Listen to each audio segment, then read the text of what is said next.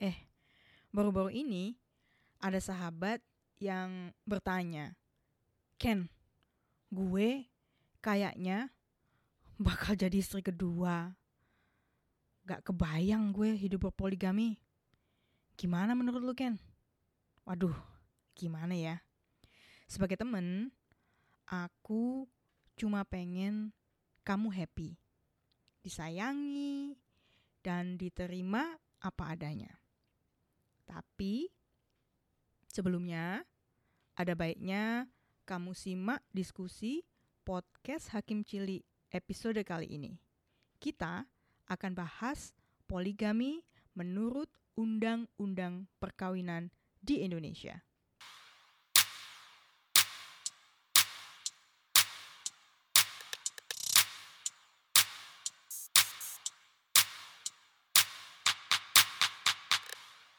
Episode 3. Salam saudara-saudari, selamat datang di podcast Hakim Cili, di mana kalian bisa belajar hukum Indonesia dengan bahasa yang mudah dimengerti oleh orang awam. Setiap hari Minggu, waktu Indonesia, bersama Hakim Cili Niken Astari Carpenter. Yuk, belajar hukum!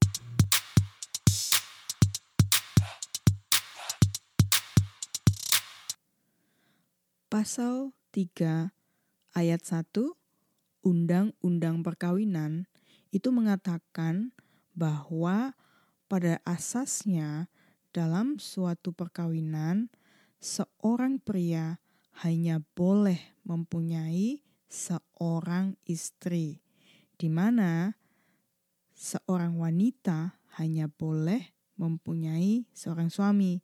Ini sebenarnya yang disarankan oleh undang-undang uh, adalah perkawinan monogami. Tetapi undang-undang perkawinan ini juga memberikan pengecualian. Itu ada di pasal 3 ayat 2 di mana pengadilan itu bisa memberikan izin kepada seorang suami untuk beristri lebih dari satu orang. Ini apabila dikehendaki oleh eh, pihak-pihak uh, yang bersangkutan itu tadi. Nah, uh, kalau suami itu pengen punya istri lebih dari satu, maka suami wajib mengajukan permohonan kepada pengadilan di daerah setempat tempat tinggalnya itu dan ini diatur oleh pasal 4 ayat 1. Nah, dalam pasal 4 ayat 2-nya itu dijelaskan uh, pengadilan hanya akan memberikan izin kepada suami untuk beristri lebih dari satu jika satu istri tidak dapat menjalankan kewajibannya sebagai istri. Kedua, istri mendapat cacat badan atau penyakit yang tidak dapat disembuhkan. Ketiga, istri tidak dapat melahirkan keturunan. Begitu. Nah, uh, suami yang mengajukan permohonan untuk uh, punya istri lebih dari satu tadi harus memenuhi syarat. Nah, syaratnya ini diatur di dalam pasal 5 ayat 1 Undang-Undang Perkawinan. Yang pertama, syaratnya ada persetujuan dari istri atau istri-istri yang sudah ada. Kalau istrinya satu ya istri pertama, kalau istrinya dua ya dua-dua istrinya harus memberikan izin. Yang kedua syaratnya adalah bahwa ada jaminan suami ini mampu uh, menjamin keperluan-keperluan hidup istri, istri dan anak-anak mereka. Yang ketiga, harus ada jaminan bahwa suami akan berlaku adil terhadap istri-istri dan anak-anak mereka. Oke, okay, uh, kembali lagi kita bersama dengan Ibu Dr. Teresia Dia Wirastri. gue tuh sampai sekarang masih suka gimana gitu ya kalau di, kalau dipanggilnya lengkap begitu dia aja lah ibu ya dia ini uh, direktur Pusat Kajian Wanita dan Gender Universitas Indonesia. Ini kadang teman-teman tuh bilang gender, bukan gender tau. gender. ya bu, kalau itu. Uh, dia juga uh, ngajar tuh ya di Social yeah. Legal Studies Methods, juga perempuan dan hukum di Fakultas mm -mm. Indonesia, eh Fakultas Hukum, Fakultas Hukum Universitas yeah. Indonesia. Uh -uh. Yeah. Nah, eh, episode kali ini kita bakal ngobrol-ngobrol uh, tentang poligami. Ya, ini kayaknya sesuatu yang agak uh, ya panas. kontroversial. Kontroversi. betul. Jadi di, dia ini uh, doktor doktoral programnya uh, melakukan ah. studi tentang uh, poligami tuh ya. Topik, dia. topik risetnya, topik, topik risetnya, risetnya. ya. Di uh, studi kasus di Jakarta ya dia ya. Studi kasus di Jabodetabek. Oh ya. Jabodetabek, oke. Okay. Ya. Oke. Okay. Mm-hmm. Jadi monggo dia, gimana sih poligami itu secara hukumnya di Indonesia?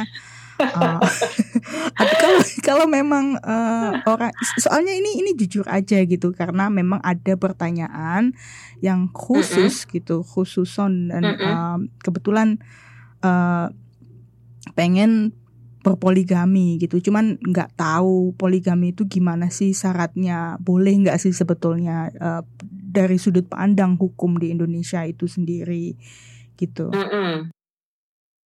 jadi kalau hmm, kalau kita melihat Undang-Undang Perkawinan 174 nomor 1 tahun 74 sebenarnya yang diperbolehkan untuk melakukan poligami memang mereka yang beragama Islam. Ya. Setidaknya itu yang diatur, itu yang diatur oleh undang-undang. Ya kan, untuk masyarakat yang beragama yang lain atau okay. masyarakat uh, pemeluk kepercayaan yang lain itu tidak diatur. Uh -huh. Nah, tapi kan yang di Indonesia ini kan hal yang tidak diatur itu cenderung ditafsirkan tidak boleh. Uh-huh. Kalau kalau uh, uh, kalau Katolik jelas tidak boleh ya. Biasanya Kristen memang tidak boleh karena hukum agamanya mengatur uh-huh. demikian. Nah, jadi kalau kita lihat di Undang-Undang Perkawinan khususnya tentang pasal 4 pasal 4 itu mengatur uh, bagaimana kalau kita mau melakukan poligami itu kita harus ke pengadilan agama dulu untuk minta izin. Nah, bias dan izin-izin ini biasanya hanya akan diberikan dalam kasus misalnya ya istrinya tidak dapat menjalankan kewajibannya sebagai istri atau misalnya istrinya mendapat cacat badan atau penyakit yang tidak dapat disembuhkan kemudian istrinya yang tidak dapat uh, istrinya tidak dapat melahirkan keturunan. Ini semua bebannya ada di perempuan ya bu ya? Ini ya maksudnya requirementnya memang uh, ya undang-undangnya mengatur demikian. Nah pasal 5 ini uh, sebagai lanjutannya juga mengatur bahwa supaya dapat mengajukan permohonan ke pengadilan sebagaimana diatur di dalam pasal 4 tadi biasanya harus dipenuhi syarat-syarat uh, aku akan sebut ini syarat normatif. Artinya nah karena ini bisa dilihat dari bunyinya. Yang pertama adanya persetujuan dari istri dari istri atau istri-istri yang lain. Kemudian yang kedua adanya kepastian bahwa suami mampu menjamin keperluan-keperluan hidup istri-istri dan anak-anak mereka kemudian adanya jaminan bahwa suami akan berlaku adil terhadap istri-istri dan anak-anak mereka. Poin yang ketiga uh -huh. ini yang yang uh, di banyak literatur yang lain yang gue baca memang poin yang paling sulit ya. Bagaimana kemudian kita memberi parameter terhadap uh, berlaku adil ini. Uh, uh, uh, uh. Gimana itu? Nggak nggak nggak bisa dijawab ya biasanya kan karena itu pasti akan case by case nanti hakim memutuskannya. Tapi kan kalau karena karena gue juga berangkat dari ini ya dari studi-studi perempuan kayaknya sulit banget nggak sih membayangkan bahwa istri-istri ini benar-benar akan mendapat perlakuan yang adil antara yang satu dengan yang lain karena dalam banyak kasus yang masuk ke kami sering kali tidak demikian pada kenyataannya pasti sering kali akan ada yang mendapatkan perlakuan yang lebih istimewa dari suaminya dibanding uh, istri yang lain gitu. Terus um, apalagi nih yang yang terkait dengan poligami yang orang mesti tahu sebelum mereka melakukan poligami ini? sebenarnya sih yang kalau kalau berdasarkan pengalaman kemarin melakukan riset hmm. tentang poligami selama empat tahun ya disertasi gue kan empat setengah tahun waktu itu proses pembuatannya kita nggak bisa bicara masalah poligami dan pernikahan itu secara hitam putih gitu artinya tuh gini susah untuk bicara yang baik dan benar atau yang yang benar atau salah baik atau buruk itu tuh susah banget mm-hmm. karena pada akhirnya benar-benar it's case by case gitu. Kenapa seseorang memutuskan untuk berpoligami pun kadang alasan-alasannya sering kali itu uh, kita tidak bisa bayangkan sebelumnya gitu. Kalau gue boleh cerita dikit nih, sedikit kemarin kan ketika mm -hmm. disertasi itu aku sengaja memilih kasus-kasus yang poligaminya tidak terdaftar. Gimana ya? Uh, Bu, tadi sampai mana kok aku lupa? Oh ya, kenapa gue memilih yang itu ya? Jadi memang gini, di Indonesia itu walaupun hmm. ada undang-undang perkawinan yang mengatur bahwa poligami itu sebaiknya didaftarkan, sering kali kasusnya itu terjadi sebaliknya. Jadi perkawinan-perkawinan poligami yang tidak tercatat karena suami tidak meminta izin ke pengadilan agama, gitu kan? Dan hmm. biasanya juga karena suami tidak meminta izin dari istri hmm. sebelumnya. Jadi dilakukan secara diam-diam gitu.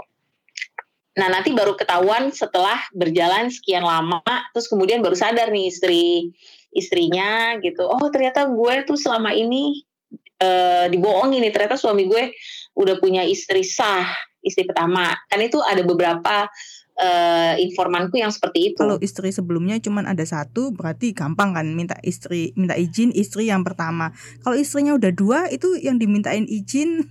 Ya harus dua-duanya harus dua kalau istri sebelumnya sudah tiga dan dia menjadi istri yang keempat ya tiga tiganya harus diminta izin. Maksimal istri itu boleh berapa sih kalau di Indonesia? Empat. Empat. Nah mm -hmm. kalau kita istri boleh nggak punya lebih dari satu suami? Tidak karena sistem hukumnya hanya mengakui poligami dan bukan poliandri. Mungkin mungkin uh, mungkin the right word will be polygamy sebenarnya. Jadi poligami itu kan uh, ketika seseorang menikah dengan lebih dari satu orang ya. Gitu mm -hmm. itu itu itu poligami. Nah, poligami itu ada dua sebenarnya. Yang pertama poligini mm -hmm. dalam kasus mm -hmm. seperti ini. Jadi kalau satu laki-laki menikah dengan lebih dari satu perempuan. Nah, mm -hmm. kalau poliandri sebaliknya satu orang perempuan menikahi lebih dari satu laki-laki. Nah, cuma kan kalau di masyarakat itu istilah poligini nggak terlalu familiar ya. Jadi hmm. makanya kenapa pendekatan emiknya, pendekatan masyarakatnya gitu, lingual masyarakatnya menjadi poligami aku menyebutnya. Hmm. Karena masyarakat memahami sebagai poligami. Kenapa poliandri itu tidak diperbolehkan? Itu juga pertanyaan gue kan. kita bisa masa kita bisa lihat dari dari berbagai pendekatan ya. Ini nanti bisa jadi uh, 10 podcast nanti kamu tentang ini. Karena karena kalau karena kalau jawaban dari dari pendekatan uh, perspektif perempuan misalnya tentu akan beda dengan jawaban dari pendekatan hukum ya. Mm-hmm. gitu karena memang kan selama ini hukum itu uh, lebih banyak dibuat oleh laki-laki berdasarkan pengalaman mereka toh jarang sekali uh, instrumen hukum yang yang memang benar-benar didasarkan pada pengalaman hidup perempuan. Ya kita kenal lah istilah misalnya kayak gini bahasa politiknya women is the second class citizen gitu. Nah kalau kalau kita bicara pakai perspektif feminis atau perspektif perempuan, nah itu itu ada sebabnya kenapa seperti itu. Karena memang ketimpangan relasi di masyarakat ini masih sangat real antara perempuan dan laki-laki. Betul betul itu juga kadang kalau ngobrol gitu sama teman-teman uh, aku juga bilang itulah kenapa sejarah itu selalu you know, kebanyakan dilihat dari perspektif laki-laki karena namanya aja history. It's iya, never her story. Her story.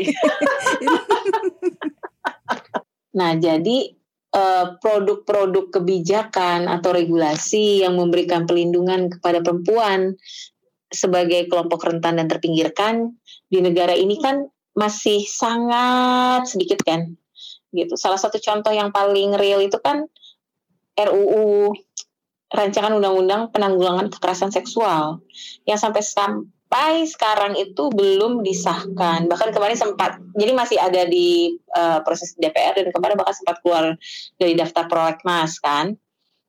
Itu juga pro luar biasa besar. Gitu. Terus rancangan undang-undang kesetaraan gender sekian belas tahun berusaha dibuat dan digolkan juga belum berhasil. Jadi memang masalah kesetaraan gender, keadilan gender itu it's a long and winding road. harus hmm. perjuangannya harus terus dilakukan, tapi memang bukan hal yang untuk mengatasi di bidang ini. Oke, jadi buat teman-teman di Indonesia dan di mana pun berada, para pejuang hak asasi perempuan yang kuat ya, terus terus berusaha untuk menyetarakan. Benar, benar. Stamina-nya harus dijaga, benar. Karena perjuangannya bukan perjuangan yang mudah gitu. Karena kan merubah merubah pola pikir ya, merubah mindset itu bukan hal yang mudah dilakukan gitu. Kita kan tentu pernah dengar tentang budaya patriarki yang begitu mencengkram di banyak daerah di negara kita ya dan uh, berbicara tentang pemberdayaan perempuan itu memang sesuatu yang harus dilakukan satu secara masif, dua memang harus terstruktur dan sistemik. hmm, hmm. Ya, ya, ya, hmm, ya. Jadi balik lagi ke apa namanya, gimana sih dampak hukumnya uh, poligini atau poligami tadi itu terhadap terutama terhadap perempuan itu gimana dampaknya? Dampak ya, hukumnya ya? Kalau dampak hukum ya.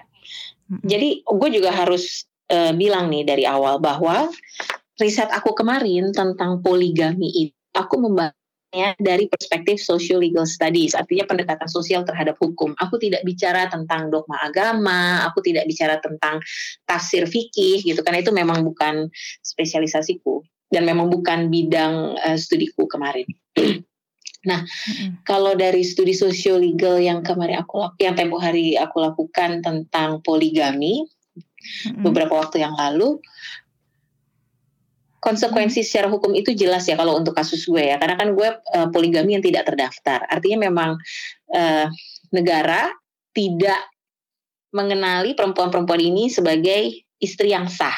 Berarti kan jelas tuh kan uh, konsekuensinya satu mereka tidak mendapatkan akses untuk harta warisan Kedua, mereka juga cenderung tidak ada akses untuk uh, nafkah.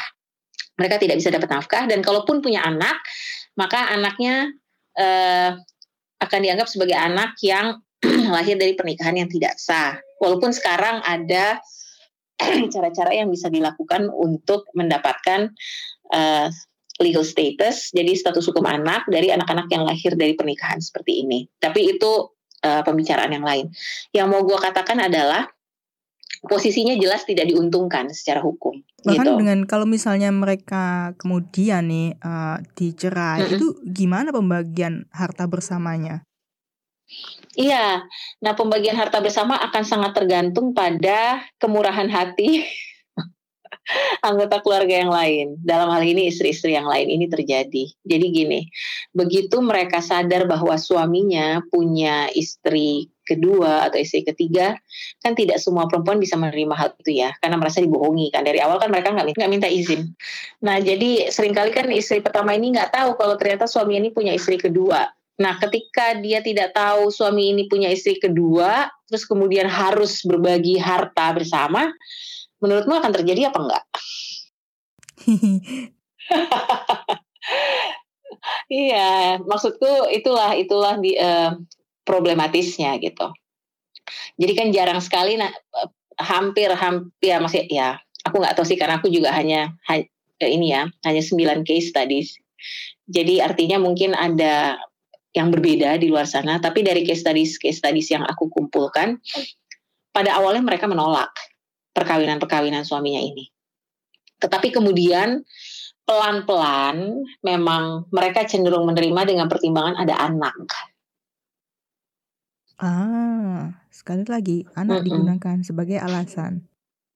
Iya, jadi kadang istri pertama juga merasa aduh anak-anak masih kecil nih. Kalau cerai gimana? Apalagi kalau istri pertama dalam posisi tidak bekerja ya Ken. Artinya kan dia tergantung secara uh, finansial uh, hampir 100% kepada suaminya. Iya. Ada ketergantungan ekonomi di sana. Jadi dia pun akan berpikir dua kali untuk minta dicerai. Tetapi banyak kemudian juga yang ketika aku tanya tapi nanti bagaimana dengan pembagian harta bersamanya nah mereka juga akan yang aduh gimana ya masih sih gue harus berbagi harta dengan perempuan lain gitu padahal dia waktu nikah aja nggak minta izin yang kayak gini nih jadi memang memang bisa diselesaikan secara musyawarah tetapi sekali lagi penyelesaiannya seperti apa tentu akan beda ya dari kasus yang satu dengan kasus yang lain. Hmm, menarik sekali ya. Aduh. Jadi uh, pesannya nih, pesannya pesannya dia buat uh, bapak ibu teman-teman uh, yang pengen poligami itu apa? Kalau aku boleh memberi saran sih, satu harus ada kesiapan mental dari semua pihak yang akan uh, terlibat di dalam uh, pernikahan ini ya, gitu. Jadi kan uh, karena semakin banyak aktor yang terlibat di dalamnya gitu. Yang kedua, mohon dilakukan sesuai dengan koridor hukum yang berlaku. Jadi selain selain it, dengan dilakukan menurut koridor hukum yang berlaku, mudah-mudahan mereka juga paham konsekuensi-konsekuensi yang yang akan terjadi di belakangnya. Jadi buat bapak-bapak yang mau poligami harus datang ke pengadilan agama minta izin yeah. untuk melakukan yeah. kawin lagi tapi sebelumnya harus minta mm -mm. izin istrinya dulu ya istrinya yang yeah. pertama atau yang kedua uh. Uh, uh. tapi juga sebenarnya juga yang penting juga nih Ken yang pasal 4 ayat 2 itulah bahwa memang poligami akan dianggap sebagai uh, salah satu ini ya aku kurang suka sih dengan istilah ini sebenarnya. Tapi banyak yang menyebut sebagai emergency exit gitu. Karena si istri dianggap tidak bisa memberikan keturunan gitu kan. Atau dia tidak lagi bisa menjalankan kewajibannya. Karena ada cacat badan itu tadi. Nah tapi dalam dalam case studiesku yang lalu, toh yang terjadi di lapangan adalah si istri punya anak tiga, sisi pertama, sisi pertama sudah punya mm-hmm. anak tiga, sisi pertama sudah sudah punya anak dua, tapi toh suaminya tetap ingin berpoligami. Artinya kan sebenarnya juga tidak sesuai dengan isi undang-undangnya ya. Uh-uh. Ya, yang namanya penyalahgunaan. Eh, ntar aku dimarahin orang lagi. Tapi sih? ya maksudnya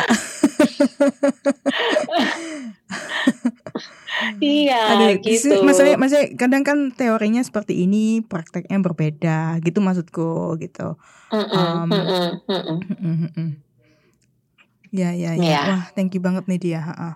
Um, Sama-sama. Ada ada lagi nggak yang yang kira-kira mau ditambahin uh, di episode poligami ini?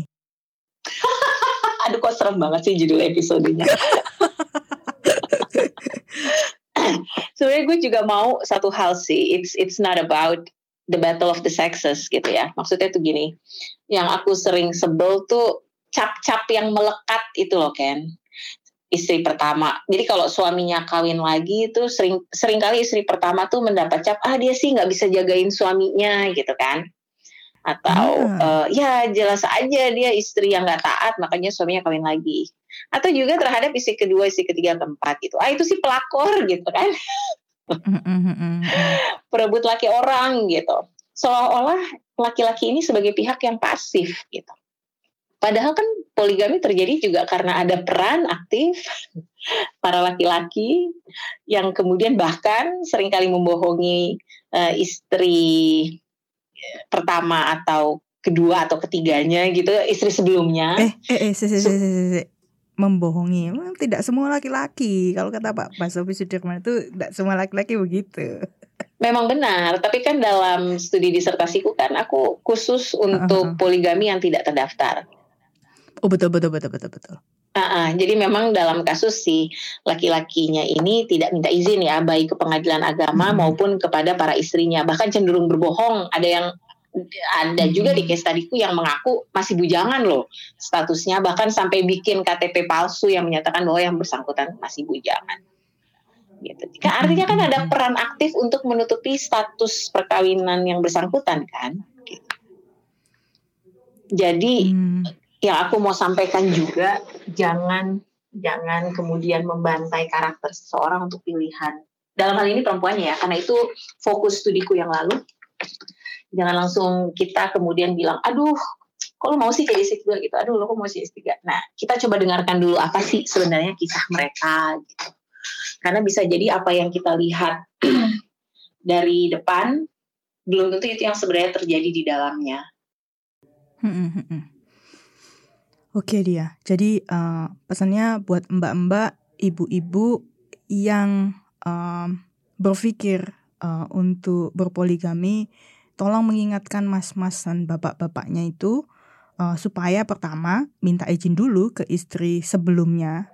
Terus ya. yang kedua minta izin ke pengadilan agama gitu. Benar, benar. Oke okay, dia thank thank you banget ya. Aduh ini sorry banget sama, udah malam Sama. tidak apa, tidak apa. Semoga semoga ada gunanya ya Ken informasinya. Uh, uh, uh, uh. Uh, have, have a good weekend ya dia di sana. Sama-sama, sama-sama nih Ken. Terima kasih banyak. It was a pleasure yang punya saran dan pertanyaan, boleh silakan kirim email ke hakimciliniken at gmail.com. Ingat pesan Rafa ya. Hai guys, subscribe. Oke, sampai jumpa di podcast Hakim Cili episode selanjutnya. Salam!